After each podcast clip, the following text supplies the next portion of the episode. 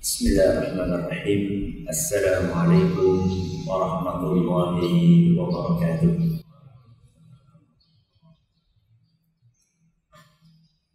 الحمد لله رب العالمين وبه نستعين على أمور الدنيا والدين.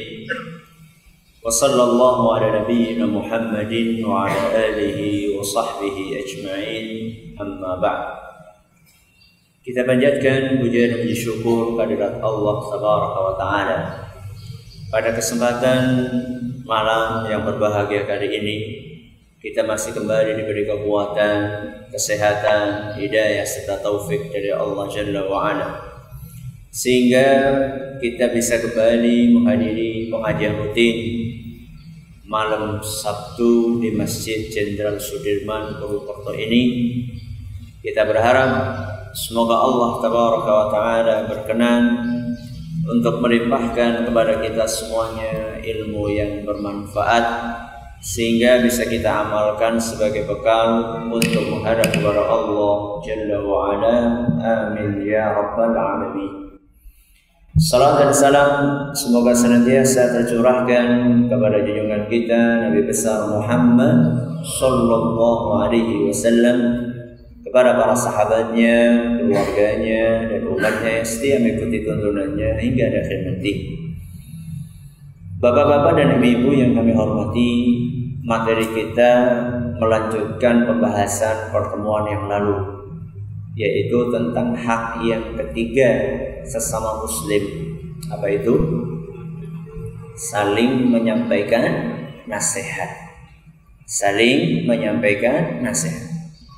Kemarin kita sudah sampaikan sabda Nabi Sallallahu Alaihi Wasallam yang mengajak yang mengatakan wa idastansahaka fansah lahu au fansahhu seandainya ada seseorang minta nasihat kepadamu maka sampaikanlah nasihat itu kepadanya. Dan kemarin sudah kita sampaikan bahwa nasihat itu bukan hanya dalam urusan akhirat, tapi juga dalam urusan dunia. Ya. Ada teman tanya pekerjaan, ya. Ada teman tanya tentang tempat tinggal. Ada teman tanya tentang perumahan, ada teman tanya tentang bisnis, ya. Ini masalah-masalah dunia. Ini harus kita berikan yang terbaik yang kita miliki.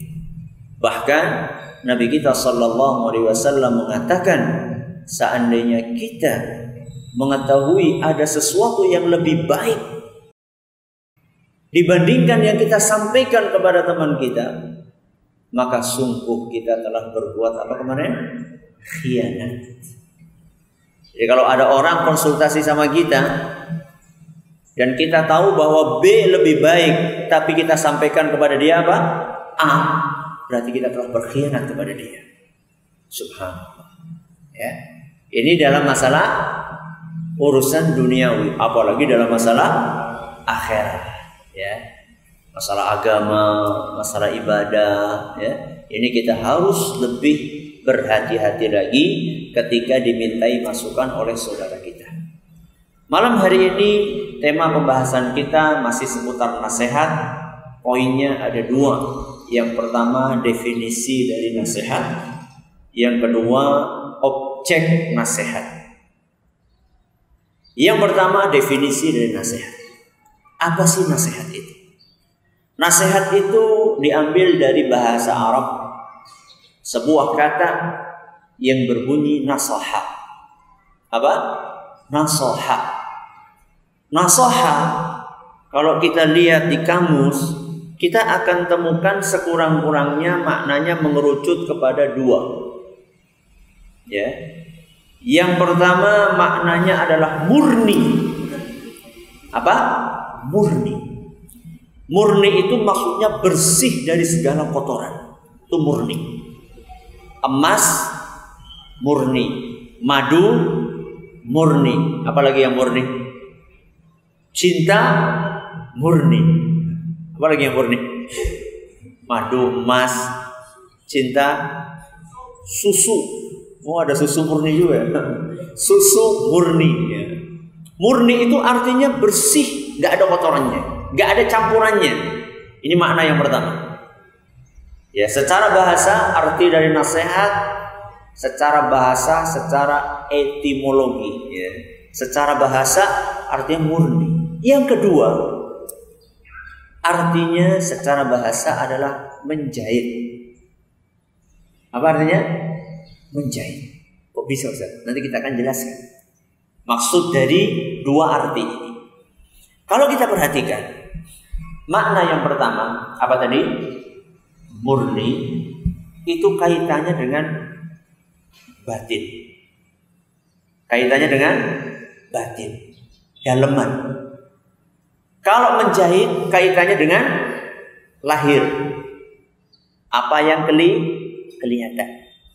Ya, orang namanya jahit ya kelihatan kan. Cek-cek kedengaran suaranya, kelihatan aktivitasnya. Nah, dua makna ini perlu dipenuhi oleh seorang yang ingin menyampaikan nasihat. Pertama, murni. Ketika seorang menyampaikan nasihat, harus bersih niatnya. Bersih niatnya itu maksudnya apa? Semata-mata mencari ridho dari Allah Subhanahu bukan karena ada udang di balik rempeyek. Betul-betul menyampaikan nasihat itu karena mengharapkan ridho dari Allah Subhanahu wa taala. Saya sampaikan nasihat ini karena saya ingin orang yang saya nasihat itu baik. Termasuk ketika orang isi pengajian kayak gini, ini kan menyampaikan nasihat juga. Itu harus betul-betul menjaga niat. Niatnya betul-betul ingin menyampaikan ilmu, mengharapkan pahala dari Allah, bukan karena ingin supaya kelihatan menonjol, bukan karena ingin menjatuhkan teman. Ada sebagian orang kelihatannya ngasih nasihat, tapi sebenarnya pengen menjatuhkan. Ya. Menjatuhkan orang lain, teman satu kantor, karena sama-sama rebutan rebutan jabatan. Kelihatannya menyampaikan nasihat. Potretnya kayaknya nasihatnya bagus banget. Tapi sebenarnya maaf, ada racun di dalamnya. Karena niatnya tidak tulus. Kelihatannya menyampaikan nasihat, tapi ingin menjatuhkan teman. Ingin menampakkan aib-aibnya. Ingin menonjolkan dirinya. Ini nasihat yang tidak benar. Karena tidak sesuai dengan makna bahasanya yaitu murni. Ini makna yang pertama, yaitu murni. Yang kedua, apa tadi? Menjahit. Apa hubungannya antara nasihat sama menjahit? Jahitan itu akan kelihatan bagus kalau kalau yang jahit ahli. Terus pelan-pelan jahitnya, terus rapi. Ya. Artinya apa? Artinya nasihat itu perlu dikemas dengan sesuatu yang bagus. Bukan hanya cukup niat yang baik di dalam hati.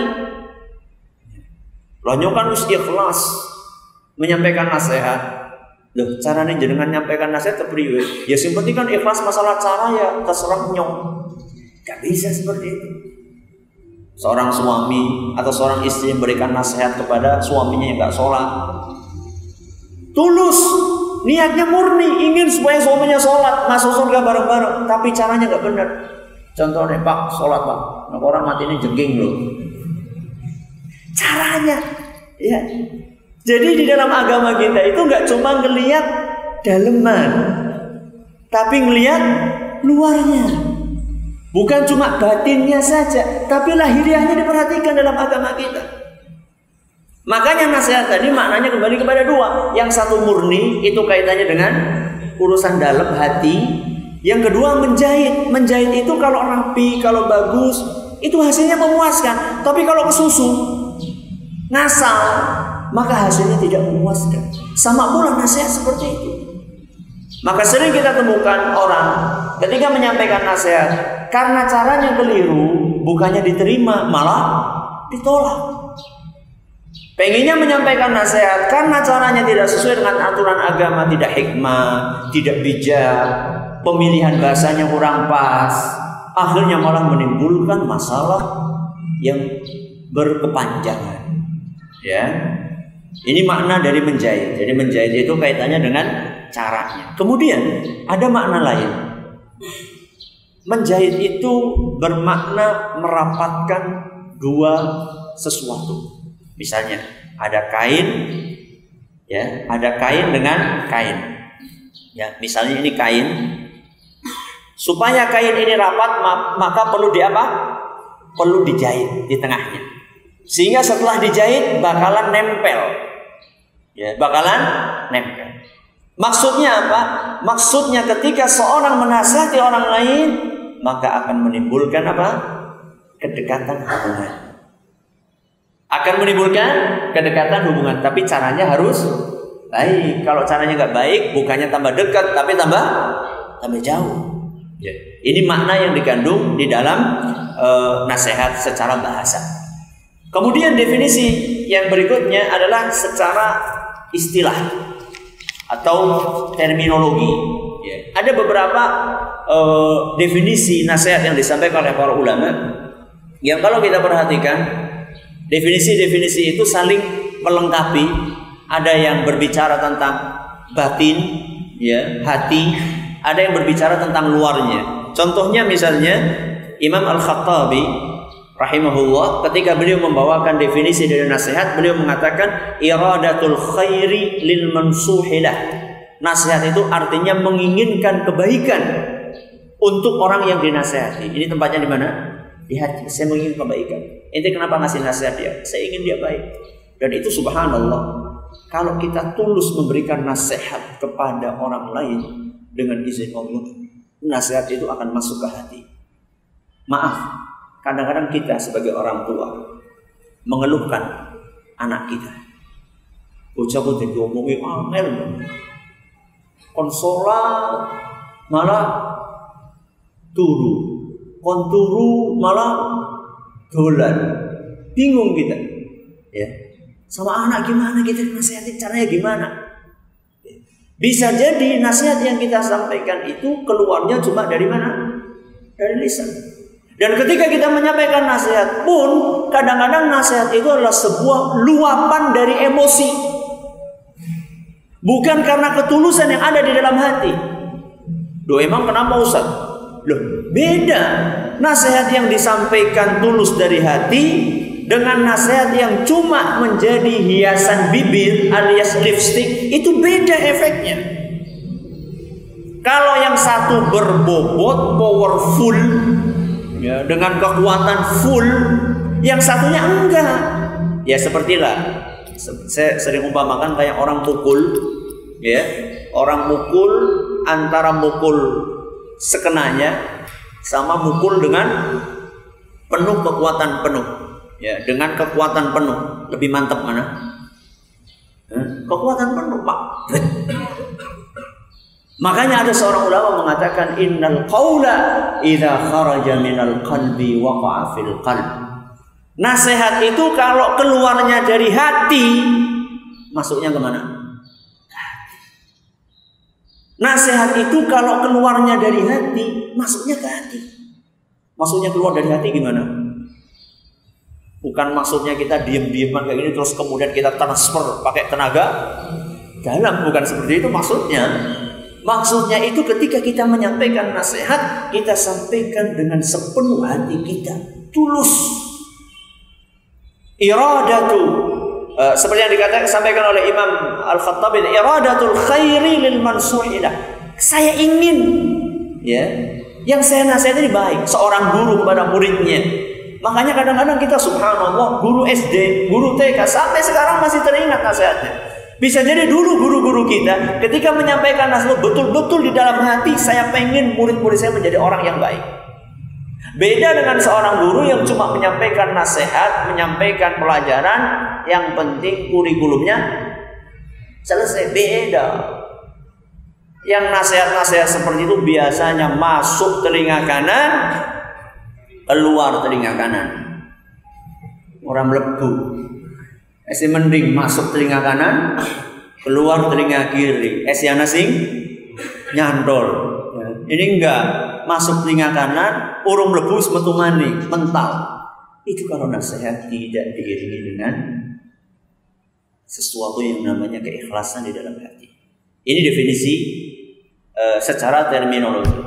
Ada definisi yang lain disampaikan oleh Imam Ar-Raghib Al-Asbahani dan ini kaitannya dengan cara kata beliau an-nushu nasihat taharri fi'lin au qaulin fihi salahu sahibihi.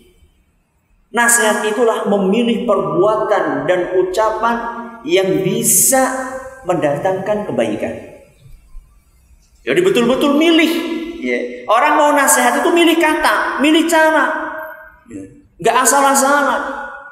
Sering ada orang uh, sebagian pemuda, eh, anak-anak muda, remaja-remaja yang pada ngaji.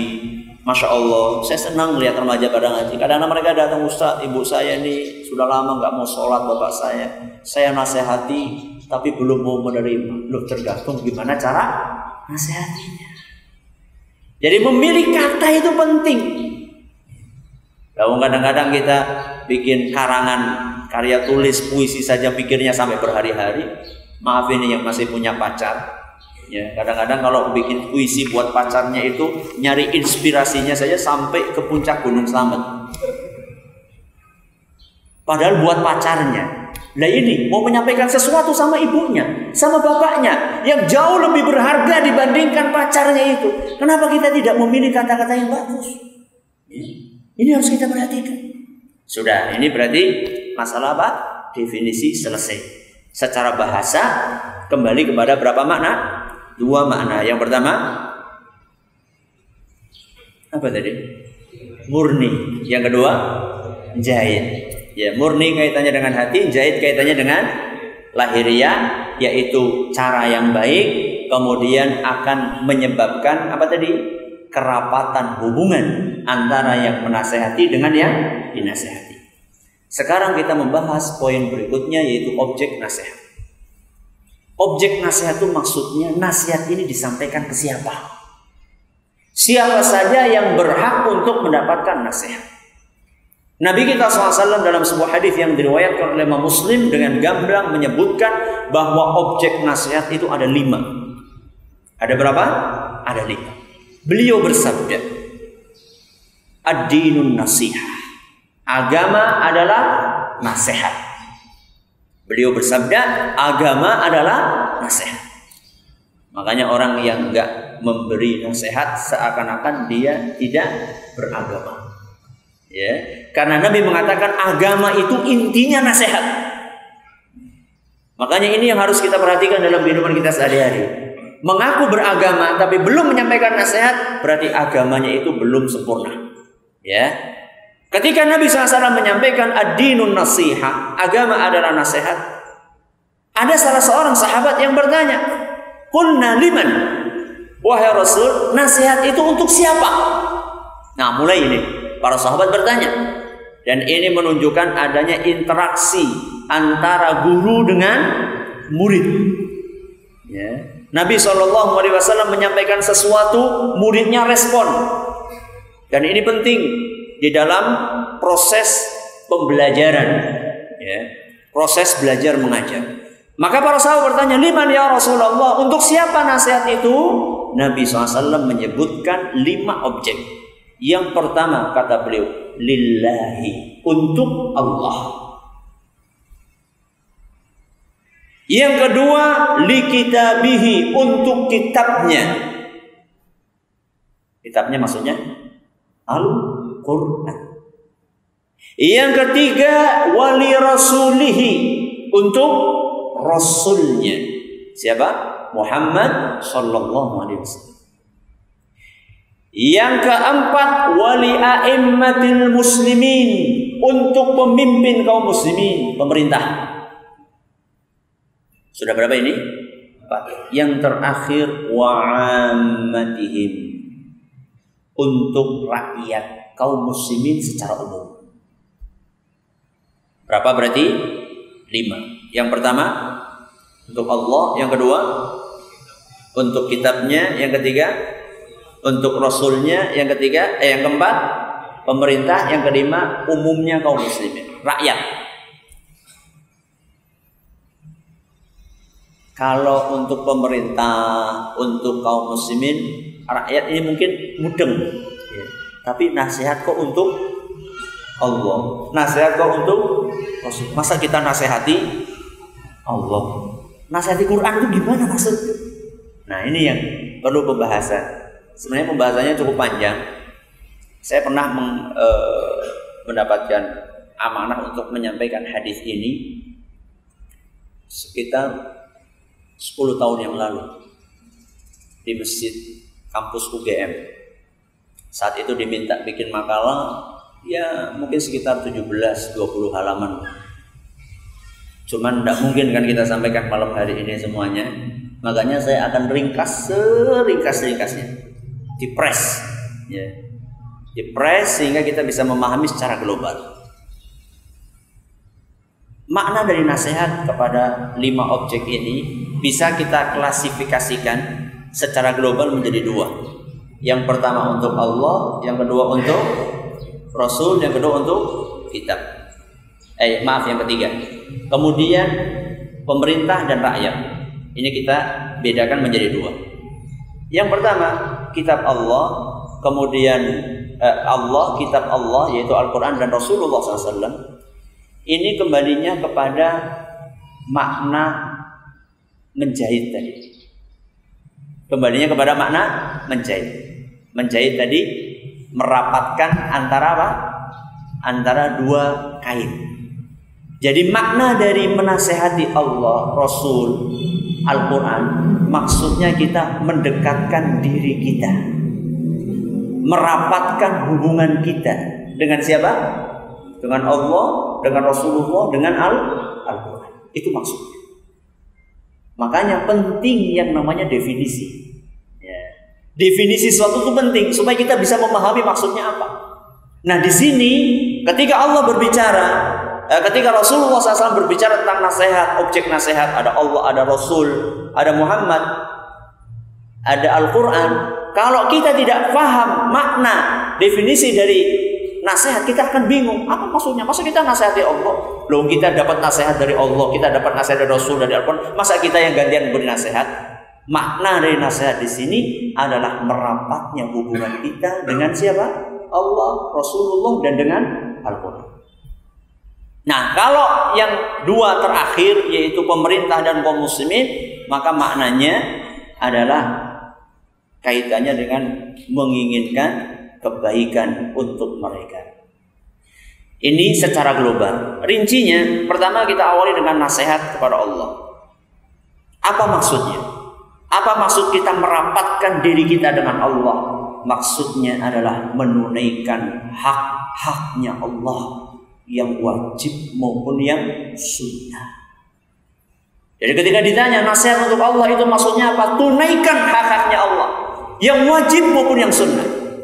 Yang wajib contohnya apa Ustaz? Haknya Allah yang wajib kita meyakini bahwa Allah itu ada.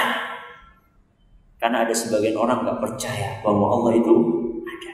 Katanya nggak kelihatan. Dia nggak percaya sesuatu yang nggak kelihatan. Kita tanya sama dia, jangan punya akal nggak? Punya akal nggak? Punya. Kelihatan nggak akalnya? Kelihatan nggak? Ya kelihatan, ya di dibedah. Tuli keton, pating pelungker, kowe udah akal mas, kowe jenengane utak. Itu namanya otak. Apakah setiap orang yang punya otak dia berakal? Enggak, akalnya mana? Enggak kelihatan. Kalau Anda nggak percaya kecuali dengan sesuatu yang kelihatan, maaf, berarti Anda tidak percaya bahwa Anda punya akal. Ya. Kita harus meyakini ini haknya Allah. Kita meyakini Allah itu ada. Kemudian kita juga meyakini Allah satu-satunya pencipta, pemberi rezeki, menghidupkan, mematikan, mengatur alam semesta. Yang ngatur semuanya ini Allah, bukan Nyi Nyi Roro Kidul. Bukan. Kalau pengen selamat itu bukan minta sama Nyi Roro Kidul, mintanya sama Allah Subhanahu wa taala, bukan sama Prabu Siliwangi mintanya sama Allah Subhanahu wa taala. Ya. Ini adalah nasihat untuk Allah, menunaikan hak-hak yang wajib maupun yang sunnah. Yang kedua, apa tadi? Allah atau Rasul? Eh, Rasul atau Al-Qur'an? Al-Qur'an. Nah, Al-Quran itu maksudnya apa Ustaz? Kita mendekatkan diri kita dengan Al-Quran. Maknanya adalah sama. Kita berusaha untuk menjalankan hak-haknya Al-Quran. Ya, entah yang wajib maupun yang sunnah. Jadi Al-Quran itu punya hak. Ya, haknya Al-Quran itu bukan bukan maksudnya haknya Al-Quran itu kita simpen dengan dengan rapi, ya, kinclong, nggak pernah kena debu, ya, nggak pernah lecek, lusuh, awet, 40 tahun, nggak ada perubahan, sampai tempatnya nggak pernah berpindah. Bukan itu maksudnya. Ya. Kenapa kok nggak pernah berpindah? Iya ini kan mahar seperangkat alat sholat yang harus saya cek. Nggak pernah dibaca. Bukan itu maksudnya. Menunaikan haknya Al-Quran antara lain adalah mengamalkan isinya. Mengamalkan isinya. Kemudian juga percaya dengan apa yang diberitakan di dalamnya. Apa pun yang ada dalam Al-Quran sudah percaya saja. Pernah ada kejadian pada zaman dahulu percaya. Di Al-Quran disebutkan ada neraka, ada surga percaya. Pada hari kiamat nanti manusia akan dibangkitkan dari kuburnya percaya. Ya. Walaupun secara akal mungkin kita kesulitan untuk menerimanya. Pernah saya sampaikan dalam beberapa kesempatan Al-Quran kan jelas-jelas menyebutkan manusia akan dibangkitkan dari kuburan. Nah, yang mati di kuburan mungkin gampang bisa diterima. Lah, yang mati di tengah lautan. Ya, pesawat apa Malaysia yang jatuh? M berapa? 370 bukan M13 ya. M3 MH 370 masih hafal ya MH 370 jatuh. Sampai sekarang misalnya nggak ketemu. Berarti kan tubuhnya ke mana? Laut. Mungkin dimakan sama ikan hiu atau ikan paus. Ikan pausnya terdampar. Kemudian ikan pausnya disate. Disate sama para nelayan dimakan sama nelayan. Setelah itu nelayannya maaf buang air besar, belum dimakan sama lele. Lelenya dimakan sama orang yang pergi ke warung lele. Itu gimana membangkitkannya Ustaz? Ya, coba sekarang udah berapa mengalami berapa berapa apa istilahnya itu? berapa proses, berapa tahapan mulai dari jatuh di laut, tubuhnya dimakan, paus, pausnya dimakan, manusia setelah makan masuk perut dibuang, dibuang dimakan sama lele, lelenya dimakan sama manusia. Bangkitkannya gimana Ustaz? Gak mikir itu urusanmu. itu yang akan bangkitkan adalah siapa? Allah Subhanahu wa taala. Makanya akhir surat Yasin apa? Innama amruhu idza arada syai'an an yaqula lahu kun fayakun. Itu urusannya Allah Subhanahu wa taala. Yang penting Al-Qur'an menyebutkan seperti itu, percaya. Titik. Karena tidak ada yang mustahil di hadapan Allah. Itulah namanya nasihat untuk Al-Qur'an. Ya. Kita dekatkan diri kita dengan Al-Qur'an. Ini yang hukumnya wajib. Ada hak Al-Quran yang hukumnya sunnah. Apa itu Ustaz? Perbanyak membaca Al-Quran. Sering-sering baca Al-Quran. Dan dengan baca Al-Quran itu Allah akan memberikan keberkahan waktu kepada kita. Itu baru di dunia, belum di akhiratnya. Mendapatkan syafaat dari Al-Quran. Ya. Keberkahan waktu di dunia kita banyak orang sekarang mengeluhkan Ustaz pekerjaan kantor banyak banget. Kemarin belum selesai, datang lagi pekerjaan. Pekerjaan hari ini belum selesai, besok sudah dihantui dengan pekerjaan. Para guru ngejar apa itu istilahnya untuk dapat sertifikasi ngejar apa namanya itu? Setiap hari itu harus apa gitu saya lupa itu istilahnya. Pekerjaannya numpuk Ustaz, belum ngeles, belum ini, belum ini. Ya. Ibu-ibu juga sama, Ustaz ini gimana? Kumbahan sing wingi urung? Urung dikumbah apa urung dilipat ya? urung disetrika, sudah datang cucian hari ini lagi. Bingung Ustaz waktunya banyak. Ini baru ngurusi masalah cucian, belum ngurusi masalah dapur, belum ngurusi masalah Anak belum ngurusi kasur, belum ngurusi ini, bingung Ustaz, gimana waktunya supaya berkah? Baca Al-Quran. Baca Semakin banyak Al-Quran yang dibaca, semakin berkah waktunya panjang. Seorang ulama pernah bertanya kepada gurunya ketika dia akan berpindah guru. Selesai berguru, kemudian dia minta nasihat kepada gurunya. Wahai Syekh, Ustaz, Kiai, saya ke mana lagi habis ini? Terserah kamu mau ke mana, lebih baik mencari guru yang bagus, tapi jangan lupa pesan saya, jangan pernah tinggalkan baca Al-Quran. Dan dia betul ingat nasihat dari gurunya itu, dia baca Al-Quran. Dia baca sekali baca kan tiga juz sehari, tiga juz sehari. Kata dia, semakin saya tambah juznya, semakin barokah waktu saya. Padahal secara logika, kalau baca Quran semakin banyak kita baca, waktunya semakin bertambah apa berkurang? Secara logika, semakin berkurang kan? Iya, Lo usah maca se halaman bewis diceluk-celuk nang bose. Ini secara logika. Tapi tidak setiap apa yang ada di muka bumi ini bisa dilogikakan. Ya. Itulah yang namanya keberkahan. Ini nasihat untuk Al-Quran. Kemudian yang ketiga objeknya adalah siapa? Rasulullah Shallallahu Alaihi Wasallam.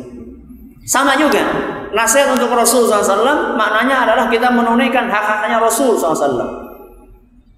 Hak-haknya Rasul kita tunaikan. Seperti apa contohnya Ustaz? Seperti contohnya di antara haknya Rasul adalah kita berusaha beribadah sesuai dengan apa yang dicontohkan oleh Rasulullah SAW. Dan itulah fungsinya Rasul diutus ke muka bumi ini. Rasul diutus untuk ke muka bumi untuk apa? Kalau misalnya sudah diutus Rasul kemudian kita ibadah pakai caranya sendiri, buat apa Rasul diutus ke muka bumi?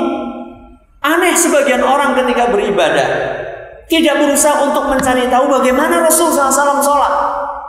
Bahkan mungkin ada di antara kita sampai detik ini belum yakin betul sholatnya itu sudah sudah sesuai dengan tuntunan Rasul atau belum. Nggih, nopo nggih. Nggih napa mboten?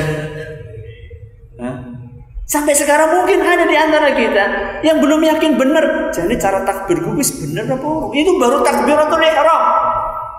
Makanya kita perhatikan orang ketika takbir macam-macam kan. Ada yang kayak gini, ada yang kayak gini. Itu baru masalah caranya. Ada yang tinggi, ada yang segini. Belum masalah peletakannya, ada yang putar-putar di sini ada yang naruhnya di samping, ada yang naruhnya di sini, ada yang di bawah, ada yang di atas. Bagaimana saya diajarkan sama Rasul SAW? Ini namanya nasihat kepada Rasul. Inilah yang akan mendekatkan hubungan kita dengan Rasul Sallallahu Alaihi Wasallam. Itu namanya nasihat. Salah satu poin nasihat untuk Rasul adalah kita berusaha meneladani cara beribadah, cara hidup, cara interaksi yang dicontohkan oleh Nabi kita Muhammad Sallallahu Alaihi Wasallam. Ini yang keberapa ini? Yang ketiga. Yang keempat, pemerintah. Nah, ini mulai. Nah, pemerintah dan rakyat. Maksud dari nasihat untuk pemerintah kaum muslimin kata Imam eh, kata Imam Ibnu Hajar antara lain adalah membantu mereka. Antara lain adalah membantu mereka. Karena mereka bekerja untuk kepentingan kita, terutama yang tulus-tulus. Ya. Kita bekerja, mereka bekerja untuk kepentingan kita, maka kewajiban kita sebagai rakyat membantu mereka. Mereka bikin aturan, ikuti aturannya. Lawang itu aturan untuk kepentingan kita sendiri kok. Untuk keselamatan kita, contoh aturan kalau naik motor harus pakai helm. Itu sih untuk kepentingan siapa? Kan untuk kepentingan kita. Ya. Makanya jauh dekat kalau memang punya helm pakai helm. Ya. Apalagi kalau sudah keluar ke jalan raya. Inilah bagian dari nasihat untuk pemerintah, membantu mereka di dalam sesuatu yang positif. Lampu merah dibikin untuk di untuk di tabrak apa nih? Non saya nih, panjangnya ini kalau sudah lampu kuning tambah cepat apa tambah? Padahal sudah ada tulisannya itu kan. tanda kuning, eh, tandanya pelan-pelan. Tapi banyak di antara kita malah tambah kencang.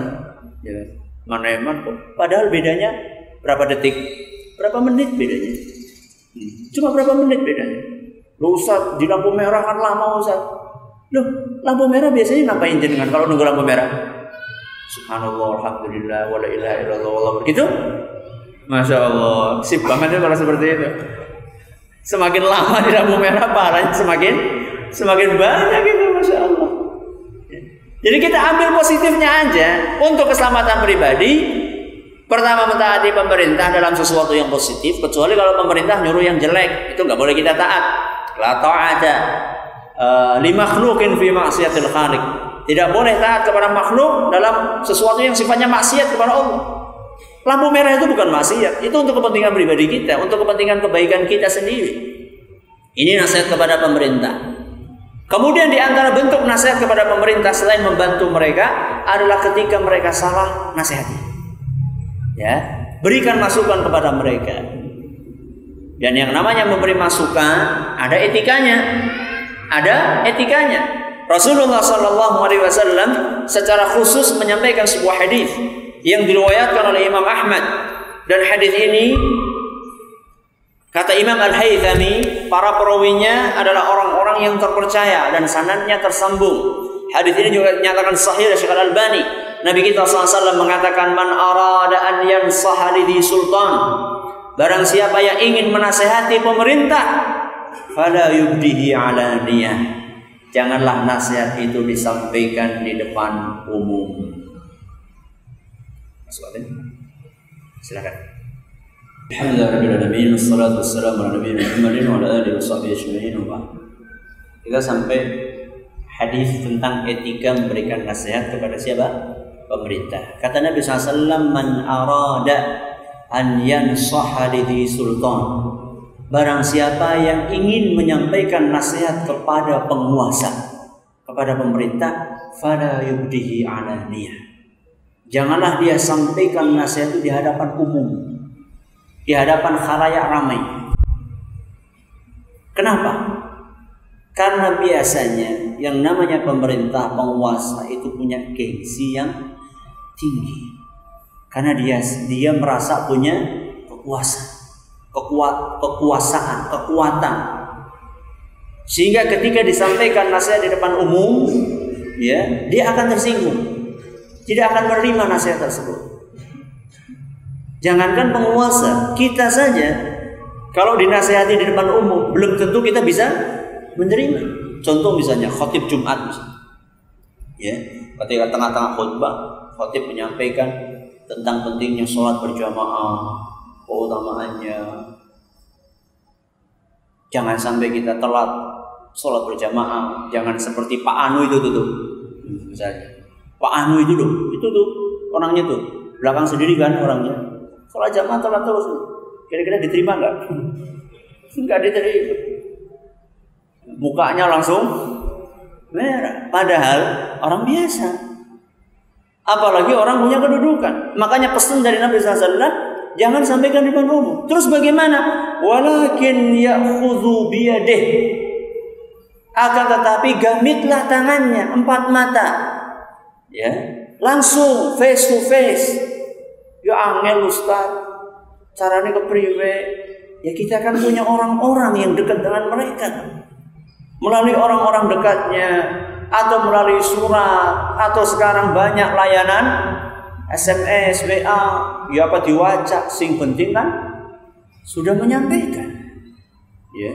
Kewajiban kita itu menyampaikan bukan masalah diterima atau tidak, masalah diterima atau tidak, itu hak prerogatifnya siapa? Allah Subhanahu wa taala. Kemudian kata Nabi Fa'in qabila minhu fadha kalau diterima ya alhamdulillah fa, wa illa kana qad adda alladhi. Kalau enggak diterima berarti sudah gugur kewajibannya. Ini adalah nasihat untuk pemerintah. Yang terakhir adalah yang kelima nasihat untuk rakyat atau kaum muslimin secara umum.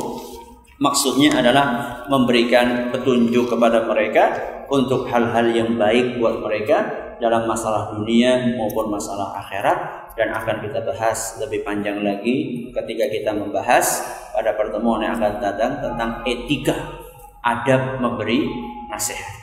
Ini yang dapat kami sampaikan. Terima kasih atas perhatiannya. Mohon atas segala kurangnya.